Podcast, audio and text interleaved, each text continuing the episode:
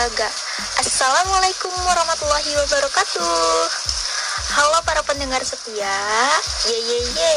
Saya Lutfi Ahatuzana dari program studi komunikasi angkatan 57 kelas A praktikum 1. Di samping saya sudah ada Ibu Diba Imelda Nasution. Dia berjabat sebagai Eh, saya Diba Imelda Nasution. Eh, saya sebagai asisten direktur bagian sumber daya manusia SDM di sini. sudah berapa lama Bu? Saya di sini terhitung masih baru, baru tujuh bulan.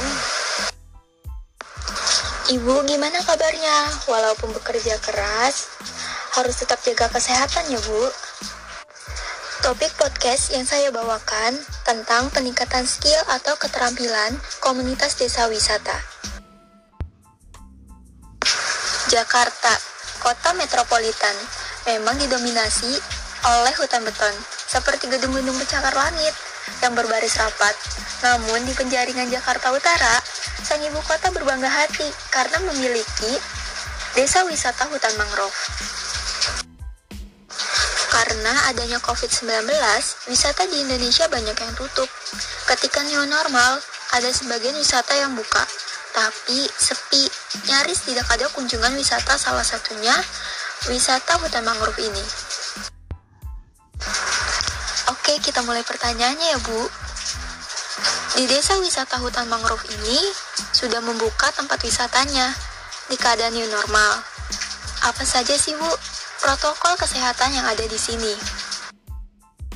Eh, kita di sini menerapkan 3M ya sesuai dengan peraturan pemerintah. Mungkin semuanya udah pada tahu 3M itu apa aja, memakai masker, mencuci tangan dan menjaga jarak.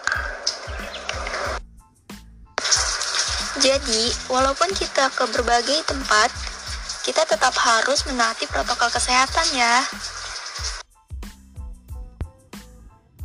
Walaupun ini wisata hutan mangrove, yang dapat kita nikmati taman wisata alamnya, juga mempunyai berbagai fasilitas yang tersedia. Nah, apa saja fasilitas yang terdapat di wisata ini? Kita di sini ada wisata air. Ya wisata air itu eh, naik perahu dayung atau kano atau perahu boat. Nah kalau perahu boat kita bawa keliling kawasan. Nanti kita tunjukkan di mana kawasan biawak yang banyak. Terus eh, kawasan burung. Jadi eh, lebih kepada eh, jalan-jalan di air, eh, bukan di air sih, maksudnya wisata air itu ya keliling kawasan. Itu sekitar 30 menit. Selain itu kita juga istilahnya nih outbound nih, tempat permainan anak-anak. Terus eh, lebih kepada inilah menyusuri hutan jadi eh, semacam cross country ya. Eh, di sini juga kita menerima orang untuk eh, foto prewedding ya ada biayanya sendiri terus eh, jadi yang kita jual itu eh, kita punya studio alam nih kalian bila boleh explore di mana pun sudut-sudut yang kalian rasa eh, bagus untuk eh, photoshoot atau eh, ambil foto Wah, banyak sekali ya Ibu fasilitasnya. Di desa wisata mangrove ini sangat terawat mulai dari fasilitas yang Ibu sebutkan tadi dan tanaman mangrove-nya itu sendiri. Nah, apa saja peningkatan skill yang ada di hutan mangrove ini? kita di sini kan daerah konservasi. Nah, jadi lebih lebih banyak orang yang ke sini eh, bertanya mangrove itu apa. Terus akhirnya kita ajak mereka untuk bersedekah oksigen dengan menanam mangrove di sini. Itu sih. Jadi eh, edukasi itu terus kita kita kita beritahu ke masyarakat sih sebenarnya. Eh, mungkin perlu tahu sejarahnya dulu. Nah, sekarang dulu ini sejauh-jauh mata memandang dari pos 1 kalian masuk tadi ini semuanya empang semuanya empang uh, dulunya dulu sekali ini hutan mangrove terus di uh, apa namanya itu ya? Jadi dirambah dirambah dijadikan empang. Empang-empang liar gitu. Nah terus uh, pemilik PT Murindra Karya Lestari dia meminta izin untuk uh, mau membangun hutan kembali gitu. Nah jadi mulai dari awal dia menanam pohonnya itu uh, dirusak sama masyarakat. Pagi-pagi pohonnya udah ngambang tuh karena di, di apa namanya dipotong pakai cutter.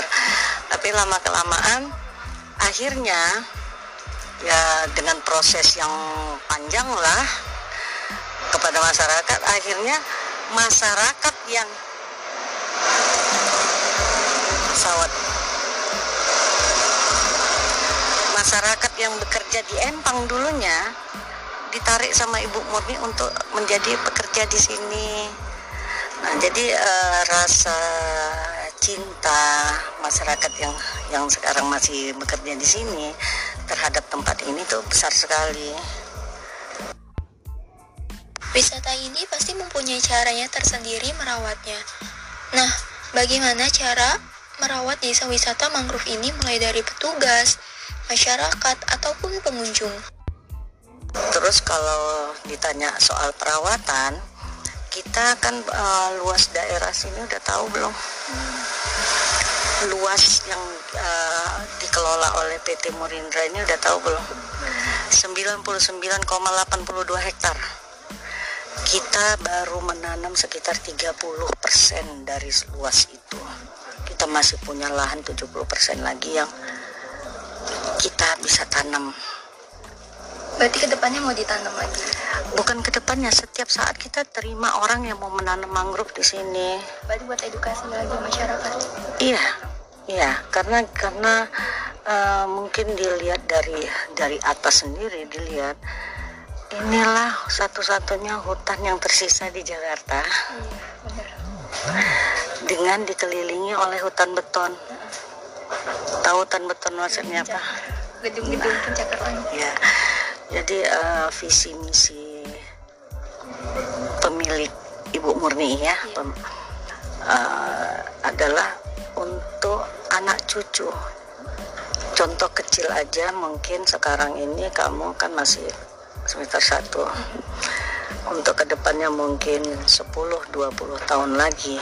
Kalau nggak kita kalau nggak kamu kalau nggak saya kalau nggak kita yang merawat ini mungkin anak cucunya nanti nanya hutan itu apa ya? Kita nggak bisa kasih tahu karena nggak bisa kasih contohnya. Nah kami kami yang bekerja di sini berharap ini terus ada ini terus ada walaupun umur kami udah nggak ada gitu. Supaya pak untuk anak cucu untuk masa depan dan mangrove sendiri mungkin udah dipelajari belum tentang mangrove sebagian sudah mangrove penghasil oksigen terbesar, penyerap karbon dioksida terbesar. Kalau nggak ada mangrove, itu air laut tuh masuk semua ke darat. Ini kita baru tadi pagi ini baru pasang. Tapi begitu keluar dari pintu pos 1, air ada nggak? Kita yang nahan di sini. Nah, jadi, jadi jadi sebenarnya uh, manfaat uh, hutan mangrove ini sangat-sangat besar. Jadi kalau misalnya siapa namanya Lutfia bertanya gimana cara perawatannya untuk bisa bisa kita merawat itu kita harus punya rasa cinta dulu. Kan, dari diri sendiri. Iya, karena kita cinta dengan tempat ini otomatis kita rawat. terus kita harus punya uh, visi ke depannya untuk apa sih ya itu untuk kita wariskan anak cucu bahwasannya inilah contoh hutan dan ini yang terdekat kalau tidak ada jadi Pulau Jawa ini Jakarta khususnya per tahunnya itu tenggelamnya tuh berapa senti? Tahu? Lebih kurang 10 senti. Dengan adanya hutan mangrove berkurang dia menjadi 7 senti. Kalau sekarang masa sekarang namanya covid ya uh, semua yang apa kesehatan itu apa disebut garda terdepan. Kita juga garda terdepan supaya supaya Jakarta masih ada supaya uh, memperlambat lah supaya habisnya Pulau Jawa ini ya gitu aja sih sekarang kan sudah banyak sekali program yang mendukung peningkatan skill untuk wisata-wisata, apalagi desa wisata ini. Nah, apa saja yang diharapkan dengan adanya program peningkatan skill untuk desa wisata hutan mangrove ini? Ketika sudah mengikuti peningkatan skill, mulai dari penjaga, masyarakat, dan pengunjung, pasti terlihat dari segi manfaatnya. Nah, apa saja sih manfaat dengan adanya peningkatan skill ataupun keterampilan komunitas yang didapat di desa wisata ini? Uh, kami di sini pakai sistem bronjong. Jadi setiap setiap satu pohon kita kita bikin bronjong dari bambu, terus kita taruh apa namanya itu ya uh, karung baru kita isi lumpur. Jadi itu seperti kalau kita nanam di pot. Cuman itu posisinya kita tanam di lumpur. Nah teknik itu lebih memperpanjang lebih gimana ya uh, keberhasilan dia tumbuh itu lebih besar ketimbang di daerah lain mungkin di blok begini kan baru dimasukin lumpur baru ditanam di situ itu satu dari segi biaya itu lebih besar Nah jadi kalau teknik beronjong ini kebetulan Ibu Mun yang ciptakan tuh. Lebih efisien, uh, tumbuhnya juga lebih, maksudnya gini, kesempatan dia untuk tumbuh itu lebih besar. Karena kan dia ter, tercover tuh di dalam beronjong. Ini lagi hujan, kalau nggak hujan saya akan tunjukkan ke belakang itu tempat pembuatan beronjong. Kita buat sendiri. Iya, karyawan harian yang buat. Wah, manfaatnya bagus ya. Jadi, kesimpulan podcast kali ini ialah protokol kesehatan harus tetap dipatuhi, seperti memakai masker, mencuci tangan, dan menjaga jarak. Wisata yang ada di desa wisata hutan mangrove ini, wisata air, naik perahu, outbound, dan foto prewedding. Peningkatan skill yang ada di desa wisata ini karena ini daerah konservasi, jadi lebih banyak orang yang datang ke sini bertanya mangrove itu apa. Jadi kita karyawan di sini, orang-orang di sini e, mengajak orang tersebut untuk bersedekah oksigen dengan menanam mangrove. Jadi bagaimana cara merawatnya? Cara merawatnya itu harus ada di dalam diri kita. Harus punya rasa cinta dulu karena kalau kita cinta dengan tempat ini, otomatis kita akan rawat. Terus kita harus tahu visi misi ke depannya itu.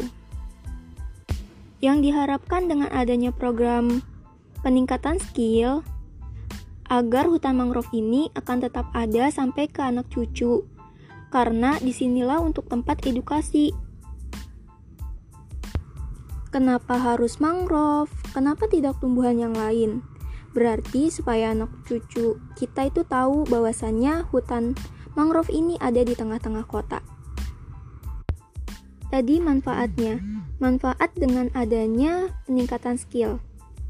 Di sini di desa wisata hutan mangrove ini menggunakan teknik meronjong yang diciptakan sendiri oleh Bu Murni. Ini lebih efisien dan biayanya jauh lebih murah ketimbang teknik-teknik yang lain di daerah lain. Ibu Diba, terima kasih ya sudah mau berbincang-bincang dengan saya di sore hari ini. Sudah meluangkan waktunya dari hujan sampai sudah reda. Oke, inilah podcast saya. Kurang lebihnya mohon maaf. Wassalamualaikum warahmatullahi wabarakatuh. Bye bye, stay healthy ya guys.